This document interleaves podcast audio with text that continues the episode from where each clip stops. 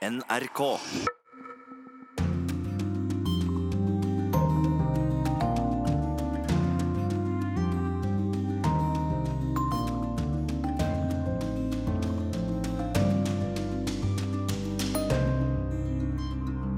Velkommen til denne utgaven av Urix på lørdag. Vi skal til Brasil, Bosnia, Etiopia, Hellas og Storbritannia.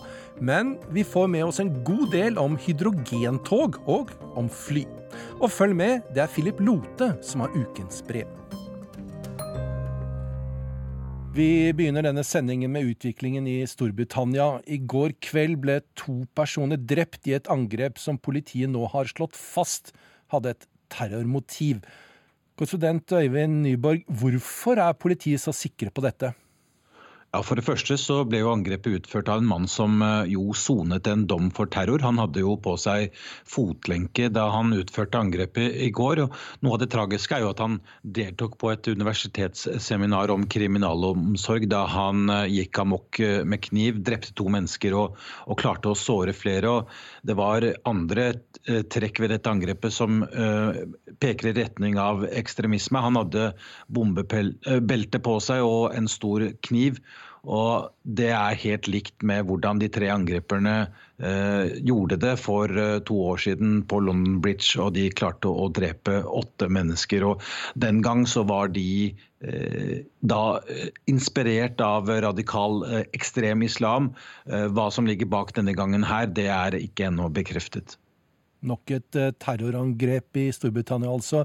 Hvordan griper dette inn i den pågående valgkampen? På mange måter griper det rett inn i valgkampen, for i dag og også i morgen så har partiene avlyst sine torgmøter, valgkamparrangementer osv. landet rundt. Eh, samtidig så er det jo mye som tyder på at dette angrepet ikke knyttet seg til noen spesiell valgkampsak denne gangen. Og det gjør at de kommer til å, å komme i gangen. Og Boris Johnson sa jo også at det er viktig at man ikke lar seg knekke av denne type angrep. Men det er andre ting som kommer opp uh, som spørsmål nå. Selvfølgelig om sikkerheten i byene er god nok. Man hadde jo satt opp veisperringer her på London Bridge etter Westminster Bridge-angrepet. Det er også flere væpnede politifolk rundt omkring i, i, byen. Men man vil jo spørre seg om hvordan folk som er og fortsatt soner dommer med fotlenke, kan utføre terrorangrep på denne måten her. og eh, Det er jo spørsmål som kommer opp nå. Så vil man jo eh, selvfølgelig debattere om det var riktig å senke terrornivået fra det aller høyeste til det nest høyeste tidligere denne måneden. Takk til deg, Øyvind Nyborg fra London. Og vi tar med at knivangrepet som skjedde i den nederlandske byen Haag kort tid etter angrepet i London, fortsatt ikke er oppklart. Tre personer ble skadet, alle var mindreårige, opplyser politiet nå. Og politiet har ennå ikke pågrepet gjerningspersonen, en mann som skal være i 40-årene. Politiet er også fortsatt usikre på om det var et terrormotiv for dette angrepet.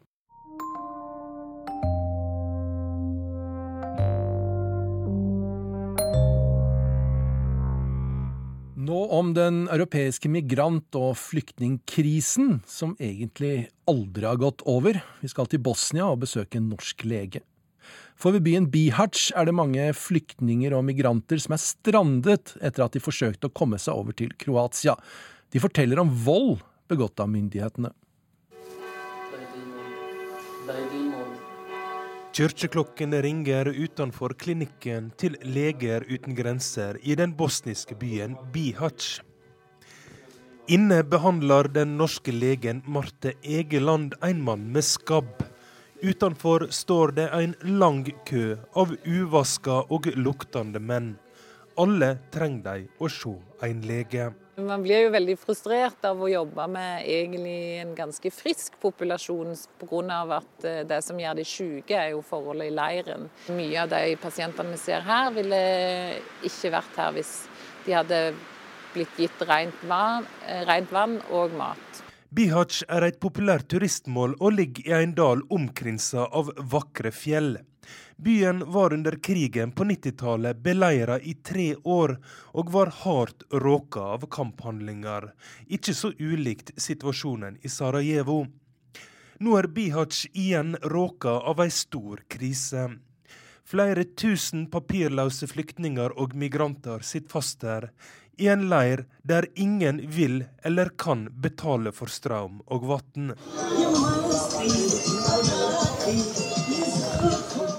Flyktningleiren Vucjak var opphavlig ei nedlagd søppelfylling. De er papirløse eller åpenbare økonomiske migranter fra Afghanistan og Pakistan. De er menn i arbeidsfør alder det er de som er lavest på rangstigen i migranthierarkiet. Mostly people are poor, going to Italia and different countries, doing work they serve there. En pakistansk mann forteller til NRK at han ble mishandla av politiet da han prøvde å krysse grensa inn i Kroatia på ulovlig vis. Han fikk juling. Alt han eide, ytterjakka, kledene, Sekken hans med mat i ble konfiskert og brent. Han måtte gå tilbake til leiren 20 km bare i undertøyet. What, what did you think about it when you were walking? Walking, we are uh, crying. When we come back uh, from the border, maximum uh, 20, 25, 22 kilometers by walk we come back in yes. the Bihaj. Almost naked? Yes. yes. You were cold? Yes, too much cold. Mannen vedgår han er en økonomisk migrant som ønsker å reise til Italia for å arbeide. Han er ikke forfølgt i heimlandet. Men de hadde jo ikke trengt å brenne maten min for det, sier han oppgitt. Tilbake på klinikken kan lege Marte Egeland bekrefte at mange forteller historier om mishandling på grensa. F.eks. at folk blir kledd eh, ned i undertøyet og må gå, eh, må gå avkledde tilbake til Bosnia. Eh, de blir fratatt klær, alle eiendommene sine. Noen er rapportert om å bli holdt nede i ei kald elv i lengre tid. Disse tingene her er ting vi ikke aksepterer. Vi ser brukne ribbein. Vi har hatt Eh, noen ulike brukne bein, eh, blåmerke, ansiktstannskade, eh, brannskade. Og så er det viktig å si at jeg er jo ikke jurist, så jeg kan jo bare si at det, det jeg blir fortalt, er at det er bl.a. kroatisk grensepoliti som utøver volden. Eh, så jeg kan si at skadene stemmer overens med den volden som har blitt gjort. Egeland sier at så mange som halvparten av de som prøver å krysse grensa til EU-landet Kroatia, blir utsatte for vold. Vi fører jo data på alle som kommer inn, så den er veldig lett tilgjengelig om folk som sier at det, ble, det f.eks. har blitt utøvd vold fra kroatiske myndigheter eller eh, grensepoliti. Og der vil jeg si at eh, anslår i hvert fall rundt 50 Det er 50% av de som har rundt kryssegrensen i Kroatia, da? eller? Ja, som rapporterer vold. Ja. Anslagsvis. Mm. Det var eh, kollega Roger Severin Bruland som rapporterte fra Bihac i Bosnia. Og de mange menneskene som er låst fast i området, er i sentrum av en politisk strid i Bosnia. Lokale myndighetene vil at resten av landet skal ta imot migranter og flyktninger, noe som har vist seg vanskelig. Så til noe helt annet, noe som har litt med den kommende nobelprisen å gjøre. Du har kanskje lagt merke til fly med røde, grønne og gule farger på halen? De tilhører et afrikansk flyselskap som ekspanderer voldsomt, og som har blitt et ikon i hjemlandet Etiopia, og ikke minst et symbol på det som kalles panafrikanisme. Reporter er Dag Bredvei.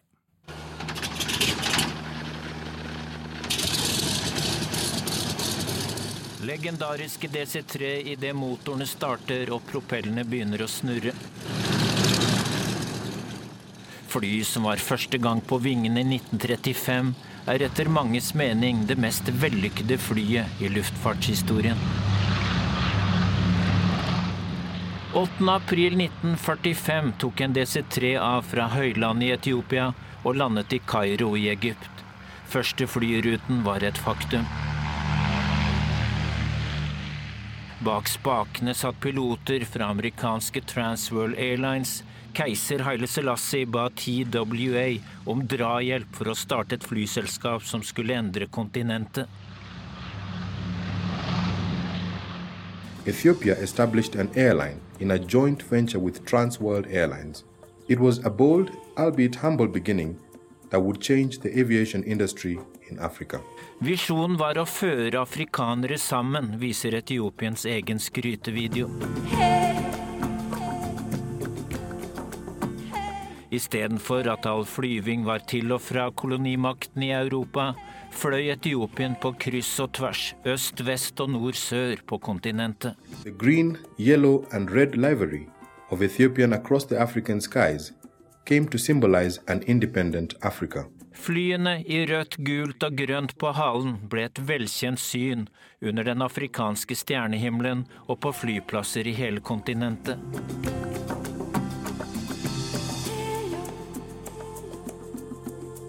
Selskapet ekspanderte så raskt at statistikker i selskapets reklamesnutter raskt blir utdatert. As Ethiopian Airlines, we fly to 117 destinations as we speak. We carry 11 million passengers annually to five continents with a wonderful Ethiopian hospitality. 117 er blitt til 125 destinasjoner. Hver uke øker antallet. Selskapet var det første i verden etter Japan som fikk prestisjefylte Dreamliner, og har som mål å skaffe seg 120 fly innen 2025.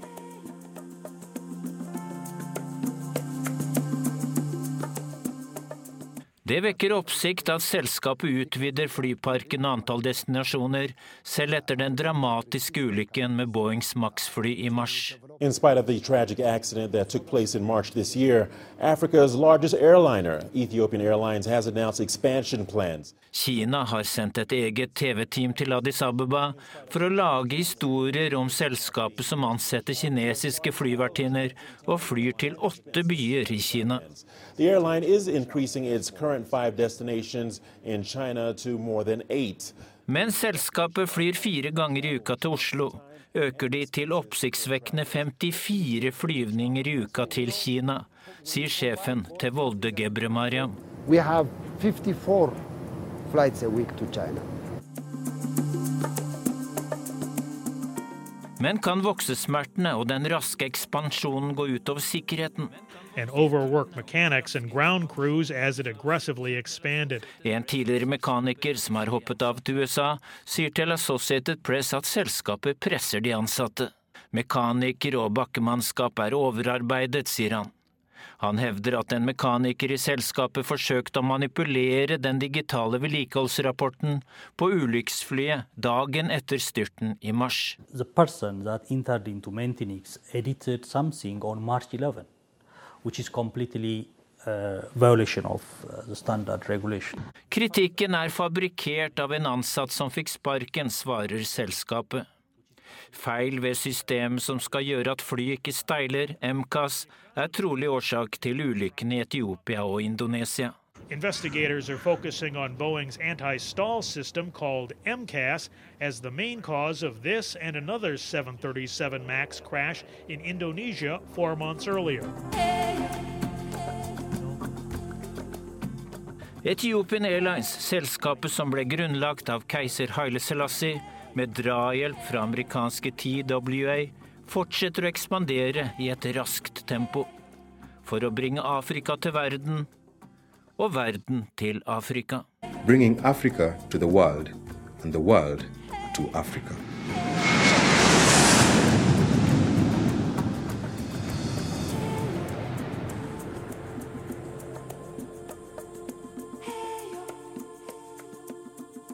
Vi går fra fly til tog. Diesel driver fortsatt tusenvis av tog i Europa. I EU er 54% av jernbanenettverket elektrisk. Togene på resten av nettverkene tar sin energi fra fossilt brensel, som både forurenser og spyr ut CO2. Mange land i Europa vil ha dieseltogene bort, men elektrifisering av hele linjenettet blir dyrt. Et alternativ er hydrogentog, som bare slipper ut vanndamp.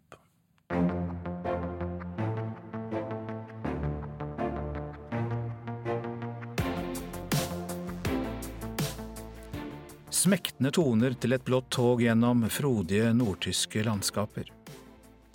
En reklamevideo for et hydrogentog. Ja, God Morgen, meine Damen und Herren. Für uns von Alstom ist das heute ein wirklich, wirklich besonderer Tag. Dette er en merkedag for oss i Alstom, sa direktør Jørg Nikota da hydrogentoget ble lansert i fjor. Nå går det blå toget under navnet Coradia Ilint i trafikk nord for den tyske byen Bremen. Mønsteret på setene er selvfølgelig molekylet H2O for vann. Det kommer bare vanndamp ut av eksosrørene. Toget kjører elektrisk med kraft fra batterier som lades av brenselceller som går på hydrogen.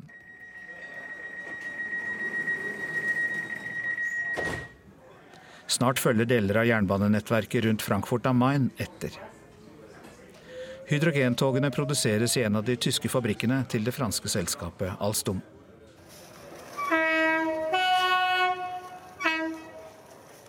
Ut fra et sidespor knirker et tog seg sakte fram. Okay,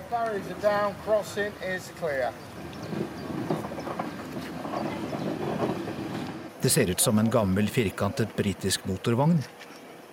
Det er en gammel, firkantet britisk motorvogn. Bare det at den er bygd om til å gå på hydrogen. Denne britiske vrien ble vist fram på et teknologisenter vest for Birmingham i sommer. Prototypen er laget av forskere ved universitetet i byen og Porter Brook, et selskap som leier ut jernbanemateriell. We know we want a greater, um, more electrified network, uh, and we want a cleaner network for sure. Vi trenger en renere jernbane, sier universitetsdirektør Alex Burrows. Den britiske regjeringen vil ha bort alle dieseltog i løpet av 20 år. Men problemet er at bare 36% av nettverket er elektrifisert. You are not going to see a fully electrified uh, railway network in the UK, certainly in our lifetimes, simply because it isn't cost effective to do so. På en video fra universitetet sier Burrows at full utbygging med master og kontaktledninger til elektrisk drift blir for dyrt. En av løsningene blir ombygde tog drevet av hydrogen. Selv om de slipper ut bare vann, er ikke prosessen fossilfri. Det meste av hydrogenet lages fra naturgass som gir CO2-utslipp. Men hydrogen kan også fremstilles ved vannelektrolyse, og kommer kraften fra fossekraft eller vindkraft, så blir det fossilfritt. I Norge går det dieseltog på 30% av jernbanenettet. Hydrogentog kan bli et alternativ. Ja, det kan det. Eh, det kommer selvsagt an på hva linje det er snakk om. Men på samband som ikke har særlig mye trafikk, der det vil være store investeringer knyttet til elektrifisering av sambandet, så kan det absolutt være en løsning, ja. Det sier Jørg Westermann, daglig leder for Norsk Bane AS, et konsulentselskap som jobber med jernbaneprosjekter i Norge og utlandet. Jørg Westermann tror likevel at det er batteritog som lades på deler av strekningen, som kanskje er det aller beste alternativet til dieseltog. Det har vært snakk om dette bl.a. på nettverket nord for Trondheim. Ja, jeg holder en knapp på det som eh, blir en kombinasjon av batteridrift og delelektrifisering.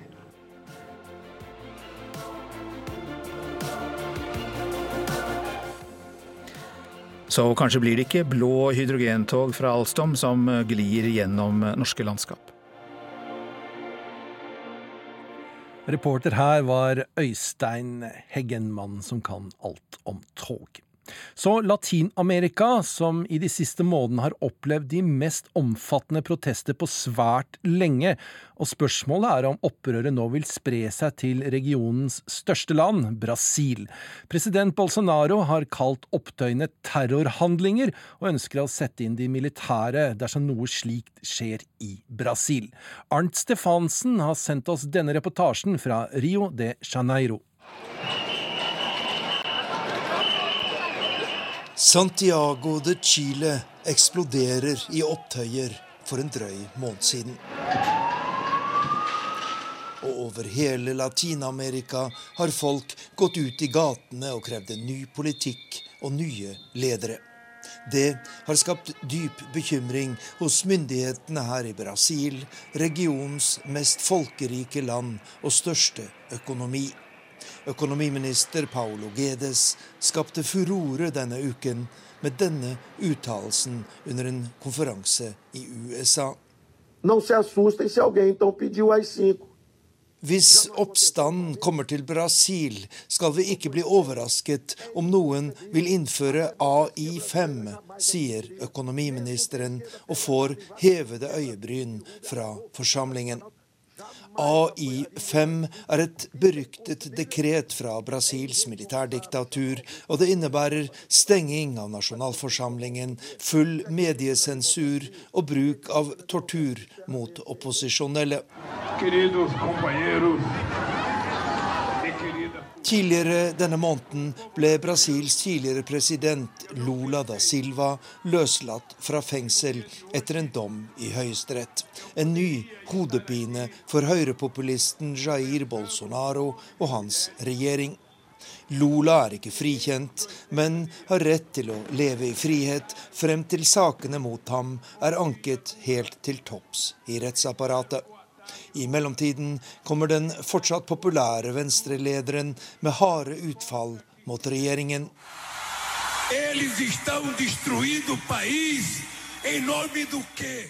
De ødelegger landet, roper Lula da Silva og viser til at fattigdommen i Brasil igjen er på full fart oppover etter mange års nedgang.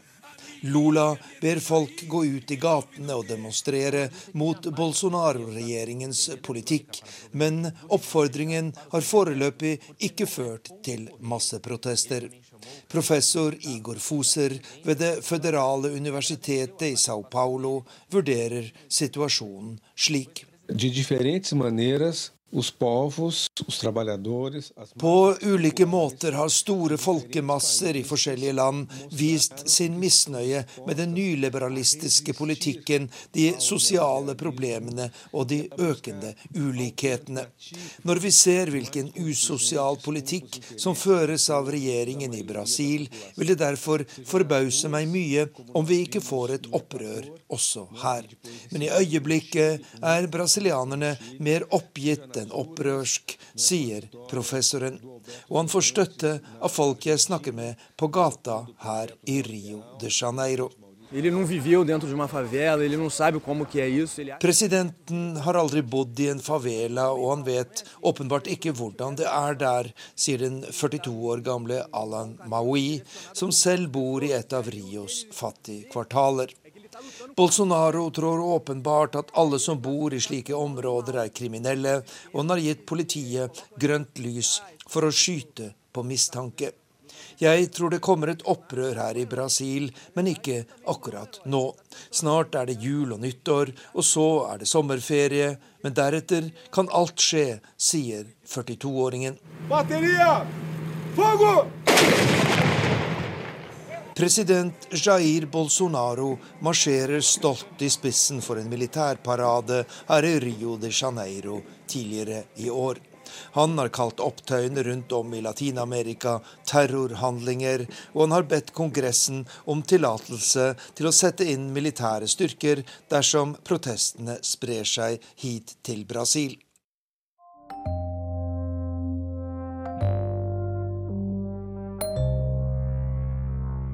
Du lytter altså til Urix på lørdag, og det har vært en trofast informasjonskanal til alle dere der ute i mange år. Men nå kommer det en ny! Stemmer ikke det, utenrikssjef Sigurd Folkberg Mikkelsen? Jo, det kommer et uh, nytt tilbud til alle utenriksinteresserte fra oss i NRK. For vi lanserer nå et uh, nyhetsbrev der vi prøver, å samle opp uh, noen av de viktigste og kanskje mest interessante sakene. Det kan være noe vi har skrevet på nett, noe vi har hatt innslag om her i radioen, eller TV-saker. Så en måte å på en måte oppsummere utenriksuka, det tenkte vi var på tide, og det kan nå alle abonnere på. Dette høres jo veldig interessant ut, Sigurd. Hvordan kan folk abonnere på dette?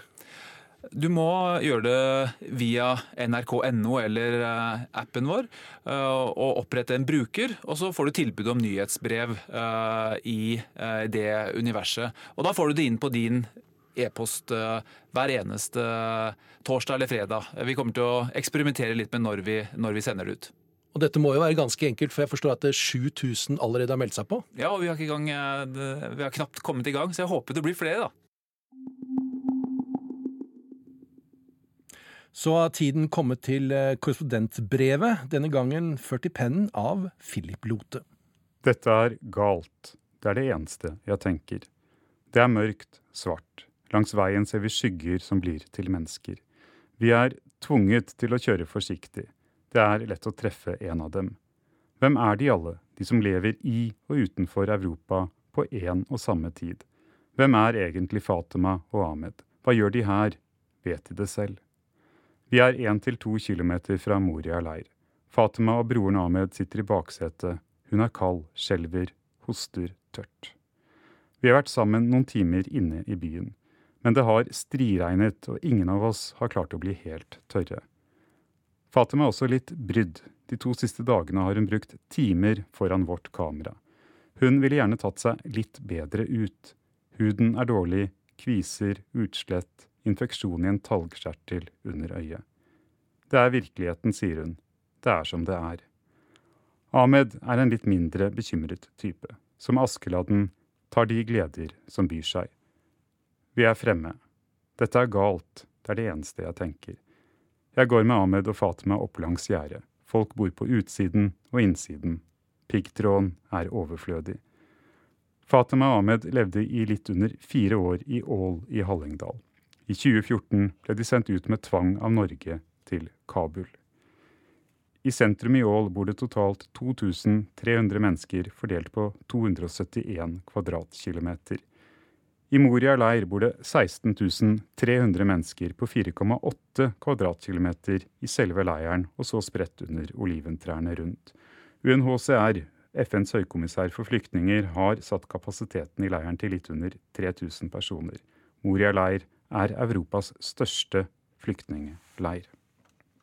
Ifølge hjelpeorganisasjonene er det mer enn 100 personer per toalett. Vil du dusje, må du stille deg i kø klokken fire om morgenen. Fordelen med vinteren og det kalde regnet er at den skyller bort stanken. Ulempen er at du aldri blir tørr, du blir syk. Idet vi kommer frem til hullet i gjerdet de pleier å bruke som inngang, tilbyr jeg meg å følge dem. Journalister har ikke lov å gå inn i leiren, men jeg ser ingen vakter. De sier de helst ikke vil. Vi vil få så mye oppmerksomhet fra de andre, sier Fatima. Jeg ber dem tekste meg så raskt jeg er inne hos mamma og pappa. Imens venter fotograf Jeroen Mortier og jeg i bilen. Skyggene vi så gå mot leiren fra byen litt før, kommer inn i flomlyset som lyser fra hjørnet og hovedinngangen til Moria. De åpenbarer seg igjen som mennesker, før de forsvinner inn eller opp langs siden av leiren. Nye mennesker kommer ut der de andre går inn. Alle har sine egne historier, selvsagt. Nå kommer det flere enn noen gang siden flyktningkrisen i 2015 og 2016. I døgnet er det mellom 300 og 400 som klarer å krysse fra Tyrkia til Lesbos. Langt de fleste blir fremdeles stanset. EU betaler Tyrkia milliarder av euro for å hindre flyktninger og migranter i å ta seg over. Fatima og Ahmeds familie betalte menneskesmuglere for å komme seg forbi kontrollene. 750 dollar per person for Ahmed, Fatima, mamma og pappa. Lillebror var gratis. Det er jo også de minste som har minst sjanse til å klare seg hvis noe går galt. Fatima var liten da hun kom til Norge. Den første flukten fra Afghanistan husker hun ikke mye av. Det hun vet, er at familien flykter av samme grunn nå som da. De forteller at Taliban mener pappa er skyld i at afghanske regjeringssoldater fant og drepte broren til en lokal Taliban-leder. I de norske rettspapirene blir familien trodd. Farens gjengivelse av lokale forhold i hjemprovinsen Uruzgan er detaljerte og korrekte om politikk og geografi. Norske myndigheter sier det er sannsynlig at familien vil bli forfulgt av Taliban hvis de returnerer til hjemprovinsen. Men Norge mente at det var trygt å sende familien til det som kalles intern flukt. Jeg har likevel ett spørsmål jeg ikke får svar på mens jeg skriver dette brevet. I dommen finner jeg ingen gjengivelse av den konkrete trusselen faren forteller om. Har han ikke fortalt det, er noe tapt i oversettelsen. Kommunikasjonsrådgivere snakker ofte om å eie sin egen historie, om å eie sin egen krise. Familien eier definitivt krisen, men retts- og sakspapirene forteller om en familie som sliter med å eie sin egen historie. Det stilles spørsmål om detaljer og splid om andre familiemedlemmer, detaljer jeg ikke kan gå inn i uten å krenke deres privatliv. Konklusjonen er likevel at familien blir trodd. De er en familie som risikerer forfølgelse i Afghanistan. En familie UNHCR, FNs høykommissær for flyktninger, mener ikke skulle bli sendt til Kabul. Intern flukt ble ganske raskt en ny flukt ut av Afghanistan. Og Fatima vet at denne flukten var og er langt vanskeligere. I ett år og to måneder etter utsendelsen bor familien på ett rom i Kabul uten vann og uten strøm. Kabul er ikke deres hjemby. De er lite ute. Pappa Mohammed Rahimi er redd for Talibans nett av spioner og informanter. De reiser til Teheran. De er der i flere år. Det er vanskelig for pappa å finne jobb og inntekt, men de bor bedre i en leilighet med strøm og vann. De er urolig for at Iran vil sende afghanere tilbake. De reiser videre først til fots og med hest. I Tyrkia blir de fraktet i en minibuss hvor setene er tatt ut. 60 personer ligger oppå hverandre. Det er vanskelig å puste.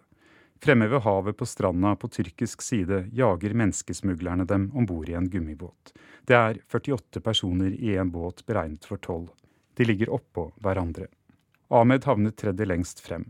Midthavs blir de møtt av et gresk marinefartøy som begynner å sirkle rundt dem og lage kraftige bølger. Over høyttalere ropes det at dette er Hellas, de må snu. Gummibåten begynner å ta inn vann. Ahmed har vann til livet. Han gråter. Familien tar tak i han og drar han opp. Han blir liggende oppå Fatima. Igjen sliter Fatima med å puste. I kaoset kommer det et annet skip og plukker dem opp. De vet ikke hvem skipet tilhører, men de blir satt i land på Lesbos i Europa. For andre gang i sine korte liv har de flyktet til EU og til Schengen-området. De vet ikke hvor veien går videre, de vet kun at de vil til Ål i Hallingdal. Ahmed vil gjerne være stor og legger armen om søsteren. Hun skyver den vekk. Det er hun som er sjefen. Hun retter på han når han snakker, men samtalen de to imellom går alltid på norsk. Deres morsmål er i virkelighet deres mors språk. De kan verken lese eller skrive Dari selv. Vi må slå i hjel en time inne i Mytilini i hovedstaden på Lesbos mens vi venter på at en mobilbutikk skal åpne. Vi skal kjøpe mobildata til dem for at vi skal kunne tekste om en intervjuavtale dagen etter. Jeg sier vi tar noe å drikke, men tenker at de kanskje er sultne, og spør Ahmed om han vil ha en burger. Jeg har ikke sett en gutt lyse opp så mye på lenge. Han tar en dobbel. Søsteren skal ha det samme. De prater, jeg slutter å tenke på dem som asylsøkere, mer som norsk ungdom jeg har truffet på en reise i utlandet. De forteller om leiren, om matkøene, om konteineren de deler med tre andre familier, om de arabiske enslige mennene i naboboksen som slåss hver natt, ofte med kniver og hamre. Ahmed snakker om slalåm i Ål, om at han var god på ski. Fatima snakker om livet som er satt på pause. Årene med skole hun har mistet, dette var høsten hun skulle ha begynt i første klasse på videregående. De snakker om bøker som blir sendt fra Norge, at de bruker all tid på å lese. De prater som mine barn, som mine barns venner hjemme i Norge. Refleksjonene ligner, det er bare det de forsøker å sette i perspektiv som er så annerledes. Den nye regjeringen i Hellas har sagt de vil stenge Moria og de andre overfylte leirene. De skal erstattes med lukkede, litt mindre interneringssentre hvor de skal holdes til asylsøknaden er ferdig behandlet. Fatima håper de er ute av Moria før det skjer. Nå kan de gå ut og komme tilbake, men likevel slåss de hver natt. Tenk hvordan det blir hvis de blir lukket inne, sier hun. Når burgeren nesten er spist, spør jeg, vil dere bruke doen her før vi går? Ja. Igjen kvikner de til, denne gang Fatima mer enn broren. Da slipper vi å gå på do i leiren, sier hun. Fatima har kun spist halve burgeren. Den siste delen tar hun med til den minste broren som er igjen i leiren. To kvelder på rad kjører vi dem tilbake. De forsvinner inn gjennom gjerdet. Etter 10-15 minutter ringer de. Vi er fremme. Mamma og pappa hilser, sier Fatima. Fotograf Jeroen Mortier og jeg er helt tause de første kilometerne. Hjemme i Belgia har han sine to gutter. I Norge har jeg mine tre barn, som er på samme alder som Ahmed og Fatima. Det er galt. Inne i leiren har de sin mamma og pappa. Det er ikke noe annet du kan gjøre enn å kjøre dem tilbake til leiren, til sin familie, men du vet at dette er galt. Du vet, av alt det riktige du noen gang har gjort på jobb, har du aldri gjort noe mer galt enn dette.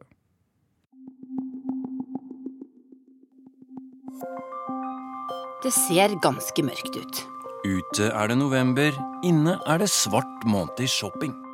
Hvorfor i all verden har norske butikker importert handledagen Black Friday fra USA? Og til og med utvida den til både Black Week og Black Month. Er det egentlig fordi hele framtida til kjøpesentrene er svart? Du hører på Krig og fred med Tore Moland og Tove Bjørgaas. Altså, Senest i går så var jeg på Barnis, som er sånn ærverdig sånn, det man kaller department store. altså eh, Masse forskjellige avdelinger med klær. og Det er jo dyre, veldig dyre klær. og da Når man går opp rulletrappen der, så henger det sånne svære oransje og røde og svarte skilt med, med, salg, og alt skal ut. Og for de som har vært på Barnis så er ikke det eh, noe som på en måte har preget den butikken. Det er veldig sånn eksklusivt. Og, det er trist å se. Alle de, disse ansatte kommer jo sannsynligvis til å miste, miste jobben sin.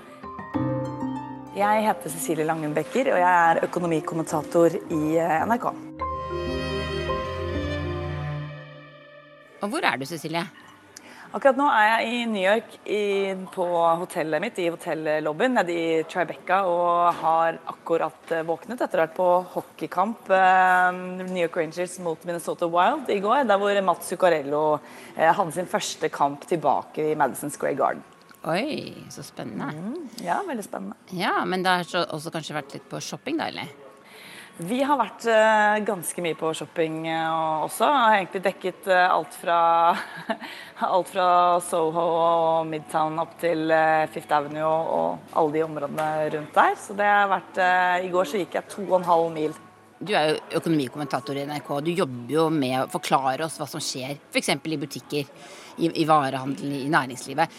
Du liksom, Når du er ute og shopper, tenker du liksom Oi, hva betyr dette, eller hvordan er det her? Tenker du liksom på det, da? Jeg, jeg, jeg tenker veldig mye på det, faktisk. Eh, jeg snakker veldig ofte med ansatte i butikker. Hvordan går det her, eh, både hjemme og, både hjemme og her? Hvordan er det å er det færre kunder og kommer dere til å overleve? Jeg er veldig opptatt av det, spesielt i, i nærmiljøet mitt der hvor jeg bor.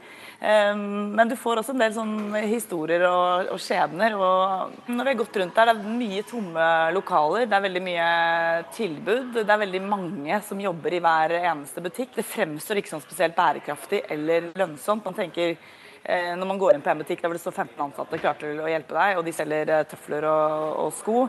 Det er ingen andre inne i den butikken. Det er ikke ett slag på den kassa. Hvordan kan den butikken overleve lengden? Det er jo de spørsmålene jeg stiller meg når jeg går rundt. Da, på en lørdag som skulle være i absolutt eh, beste shoppingtid for de fleste. Henger det masse Black Friday, Black Week-plakater i, i, vinduene?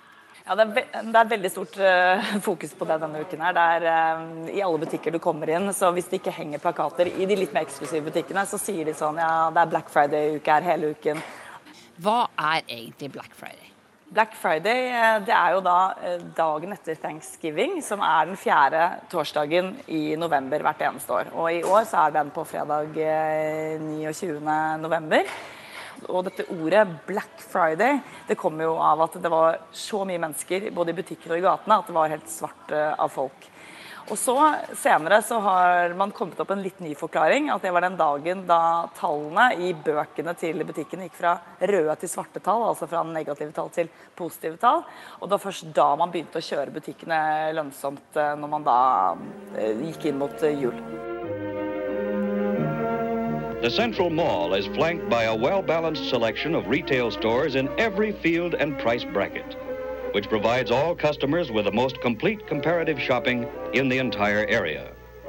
And there is plenty of free parking, over 5,000 individual parking spaces. Det var på 1950-tallet, i de amerikanske kjøpesentrenes ungdom, at Black Friday dukka opp. Dagen etter at folk hadde gafla i seg kalkunen på thanksgiving, ble de lokka til butikkene av tilbud som starta julehandelen. Black Friday ble dagen i året da amerikanske butikker hadde aller høyest omsetning og lengst kø.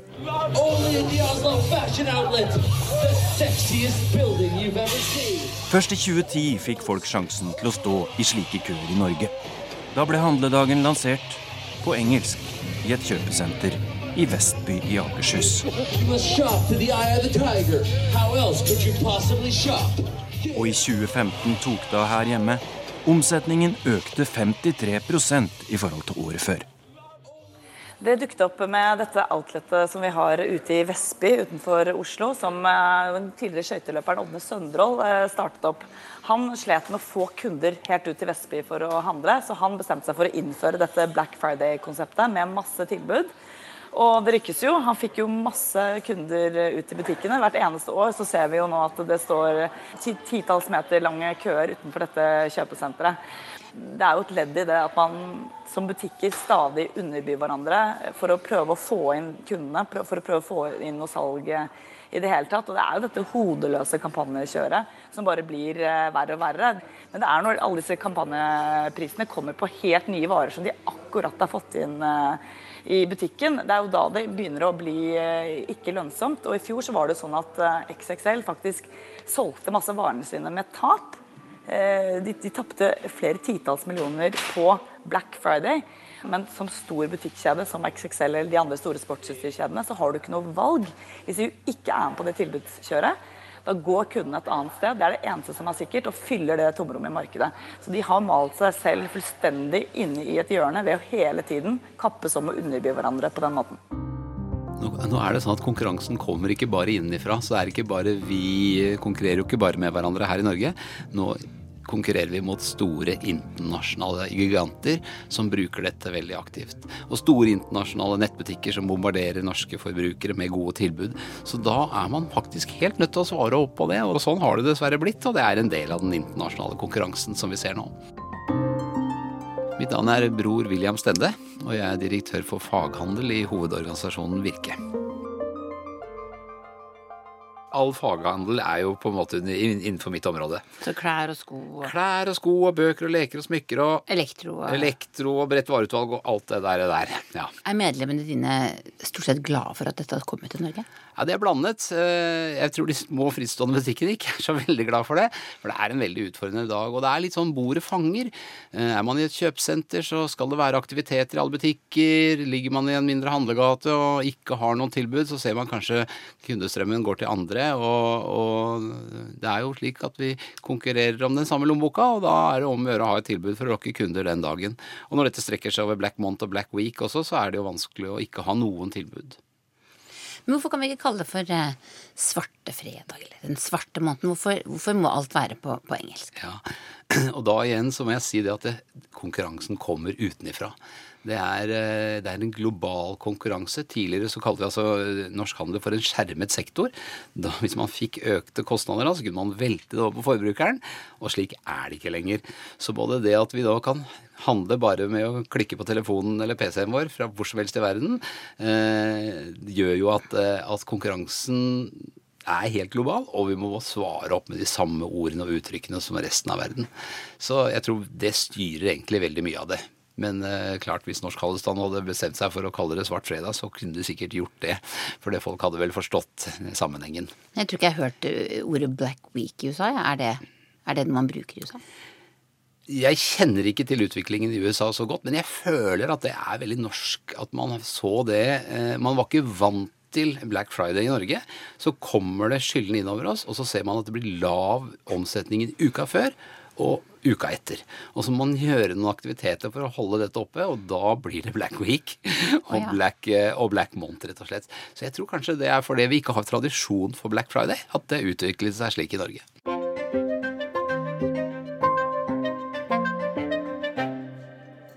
Hei, dette er Philip Lote i Brussel. Den sorte uke er ikke noe begrep her, men uh, de store butikkjedene uh, har utvidet begrepet litt. Så Black Friday eh, har blitt til en svart helg eh, som begynner torsdag kveld og slutter mandag morgen hos de aller største aktørene eh, i markedet. Belgia er nok litt fjernere fra den skandinaviske handlekulturen enn det vi skulle tro. Og de er også mer glad i å prute og komme inn litt fra siden og prøve å gjøre de helt spesielle kuppene. Hei, jeg heter Roger Bruland, jeg er korrespondent i Berlin. Her eh, forventer vi horder av eh, polakker som kommer til Berlin. For um, jeg snakka med min polske tolk jeg var på reportasjetur i Polen for en stund siden. Og da noterte jeg meg jo det at selv om det er veldig billig her i Berlin, så er det jo enda billigere i Polen. Så det er vel ingen som gidder å komme til Berlin for å shoppe. Og da fikk jeg bare svar det at eh, hvert år så er det Black Friday. Og da reiser iallfall de som bor i Poznan, som ligger på grensa til Tyskland, tar toget til Berlin og handler tomme alle butikkhyllene. Og det er liksom årets store høydepunkt for de som elsker å shoppe i Poznan. Hei, jeg heter eh, Øyvind Nyborg, og jeg er NRKs eh, mann i London. Det er jo blitt ganske ellevilt her. Det er eh, plakater overalt for Black Friday. Dette er jo noe som kom til Storbritannia for ikke så veldig lang tid siden fra USA, og har egentlig tatt av. Og bidrar jo også til at eh, kjøpesentrene gjør det egentlig bedre i november enn ved julehandelen i desember. Det britene iallfall er veldig langt framme på, det er at de eh, tar i bruk veldig mye Eh, ny teknologi. Eh, F.eks. dette med netthandel er eh, britene veldig store på sammenlignet med resten av Europa. Og det har også betydd at mange av de store kjedene sliter. Den såkalte Storgata-døden, eller Death of the High Street, er et veldig stort fenomen her. Nei, dessverre så tror jeg nok vi kommer til å se noe av det samme i Norge. Eh, vi vil få færre fysiske butikker, og vi har jo mistet altså på fra 2012 til 2017 så mistet vi vel ca. Ja, drøye 10 av de fysiske butikkene i Norge. Mange måtte stenge ned. Vi har hatt store konkurser. Eh, de siste to årene så har vi jo sett at noen store kjeder legges ned. Noen har gått konkurs. Det som er helt sikkert, når de blir kjøpt opp, eh, restene blir kjøpt opp, så blir det ikke like mange butikker igjen da. Så det går mot en trend at det blir færre, men større enheter. Hva er det som ryker først? Nei, Det er nok dessverre det at de der små frittstående butikkene, familieeide butikker, det er de som kanskje er mest utsatt i en sånn, eh, sånn situasjon. Eh, så eh, de selvfølgelig, og de som da ikke klarer å følge med i timen og digitalisere seg på et riktig tidspunkt og se denne sammenhengen mellom det fysiske og digitale, de vil også slite i, i framtida. Men hva med det store kjøpesenteret? Det har jo dukket opp sånne sentre over hele Norge, egentlig jeg vet ikke helt når de kom. Når, når kom de egentlig, alle disse sentrene rundt på Nei, Vi starter ved å gå helt tilbake til 50-tallet når det gjelder kjøpesentre i Norge. Men når du snakker om at alle tettsteder fikk et sånt type amfi, eller Ja, det, har jo vært politisk vilje til å gi tillatelse til å bygge store enheter, som selvfølgelig har utvannet byene litt, fått tøffere kår for bybutikkene. ikke sant? Og så har man dratt mot kjøpesentrene. Men i USA så ser vi at sånne sentre de ligger nå tomme mange steder. Kommer ja. vi til å se det i Norge? Ja, så I USA så det, det har de jo flest kvadratmeter kjøpesenter per innbygger i hele verden. Men på nummer to så kommer, ligger Norge, faktisk. Så, er det sant? Så, ja, så vi ligger veldig godt an til å, til å oppleve noe av det samme. Siden 2006 har 11 mennesker dødd og mer enn 100 blitt skada i shoppingrelaterte ulykker på Black Friday ifølge nettstedet Black Friday Death Count. Men også butikkene noen av dem handla i, har gått bort. Butikkdød i USA har blitt noe av en epidemi de siste åra. I år stenger 9300 butikker i USA dørene. Ifølge analytikere i banken UBS vil 70% av alle fysiske klesbutikker i USA være borte før 2026. Toys R Us er en av, en av de som har bukket under. Og eh, Barneys var et eksklusivt varehus i, på Manhattan. De gikk konkurs nå i august. Gap har, har, stengt masse butikker, men de er ikke i konkurs ennå. Eh, og det, det, er ganske mange som driver og balanserer sånn på kanten av stupet, da. Jeg heter Kristina Pletten, og jeg er journalist i Aftenposten. Kristina, du har bodd i USA, nylig flytta tilbake hit. Og eh, noe av det du jobba med på slutten av din korrespondentperiode for Aftenposten, det var noen reportasjer om butikkdøden i USA. Du møtte blant annet den som heter Dan Bell. Okay, here we are headed into the old Wellington Mall down in Wellington, Florida. There is not a lot of information about this mall. It opened in 1986. Hvem er det? Dan Bell er en eh, underlig fyr fra Baltimore som eh, startet med å lage en serie videoer eh, på YouTube som heter Dead Mall Series. Og der går han rundt i sånne kjøpesentre som er nedlagte eller i ferd med å dø. Og beskriver det han ser. Og det ble kjempepopulært og en slags sånn kultklassiker i, både i USA og rundt om i andre deler av verden. Så um, han var liksom min introduksjon inn til dette universet da, av uh, døende kjøpesentre. Og uh, det var en uh, egentlig um, stor overraskelse hvor omfattende det er, og hvor, og hvor mye det fins av denne typen bygninger som står og smuldrer opp og, og bare forfaller rundt om i USA. Du var med han på et sånt kjøpesenter eller to? Ja, vi var på to. Um, og eh, det ene var da litt sånn i ferd med å, å falle fra hverandre. Det, hadde, det var det kjøpesenteret som han hadde gått i som barn og tenåring, og han hadde jobbet der selv. Og nå var det liksom masse, masse bare stengte lokaler. Og så var det også en del lokaler der man hadde sånne litt sånn rare butikker med en hadde bare sverd og sabler, for eksempel, og, og masse sånn fire forskjellige butikker som flettet hår, og litt sånn som tydeligvis har de har leid ut billig da når andre har flyttet ut. Fortell litt om den herre amerikanske shoppingmålen. Mange har sikkert vært i USA. Hadde kanskje sin storhetstid på 60-, 70-, 80-, for så vidt også 90-tallet. Hvordan, ser det ut på en amerikansk shoppingmål? Altså Et amerikansk shoppingmål er jo, eller har i hvert fall vært da, eh, kjernen i, dette suburbia-samfunnet. ikke sant? Så Den amerikanske drømmen var på en måte å skaffe seg et, et hus, eh, eller et rekkehus, og så mm, bil, og så kjørte man da til eh, målen og handlet, og så bare var der og gikk rundt der og satt der og gikk kanskje og spiste is eller traff venner, eller Så det var på en måte litt sånn navet i dette her ultraamerikanske forstadslivet som, som, ble bygd opp i etterkrigstiden. Og Dan Bell eh, fortalte jo om dette. Han har jo et slags sånn nostalgisk forhold til det, fordi at han eh, traff sin første kjæreste der, og han hadde sin første jobb der, og det var på en måte det som kanskje i gamle dager i Europa var torget ikke sant, i småbyen. Det var, det, sånn har eh, målen eller kjøpesenteret fungert i USA. Hva skjer med disse bygningsmassene nå? Det er store arealer vi snakker om her.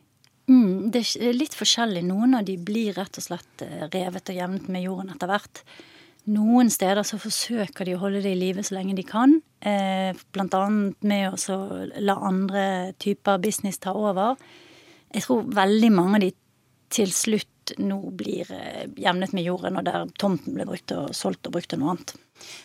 Hva skjer da med Black Friday? Det er altså en trend som har kommet til Norge og Europa egentlig de siste ja, fem til ti årene. Men, men hvordan, hvordan, står det til med Black Friday i USA? Altså, jeg tror Black Friday har vel blitt et mer og mer sånn ekstremt konsept, der man nå kjører veldig sånne harde eh, kampanjer som gjør at du tiltrekker deg kanskje eh, kunder som ikke vanligvis handler i den butikken eh, ellers. Og eh, jeg tror at det som har skjedd, er at veldig mange av de som f.eks. handler på Macy's eller ville handlet på Bloomingdales eller en sånn kjede før, da, de, de går ikke der lenger. Så det, det har blitt en sånn slags fesja der eh, en viss eh, type mm, salgsjegere da kommer rushen inn, og det er veldig mye ståk og styr. Um, det har butikk... også vært vold? Folk har blitt ja, ja, ja, folk har blitt tråkket ned. Og altså selve, selve konseptet har blitt veldig sånn ekstremt. Og så har man også fått en konkurrent i det som heter Cyber Monday, som kanskje mange andre da syns er, er litt mer behagelig, der de kan sitte hjemme og, og handle og, og, gjøre gode kupp eh, hjemme fra sofaen. Og Cyber Monday, det er altså netthandledag som følger mandagen etter Black Friday. Black Friday har nok blitt en sånn blanding av noe som eh, noen liker og andre tar veldig avstand fra.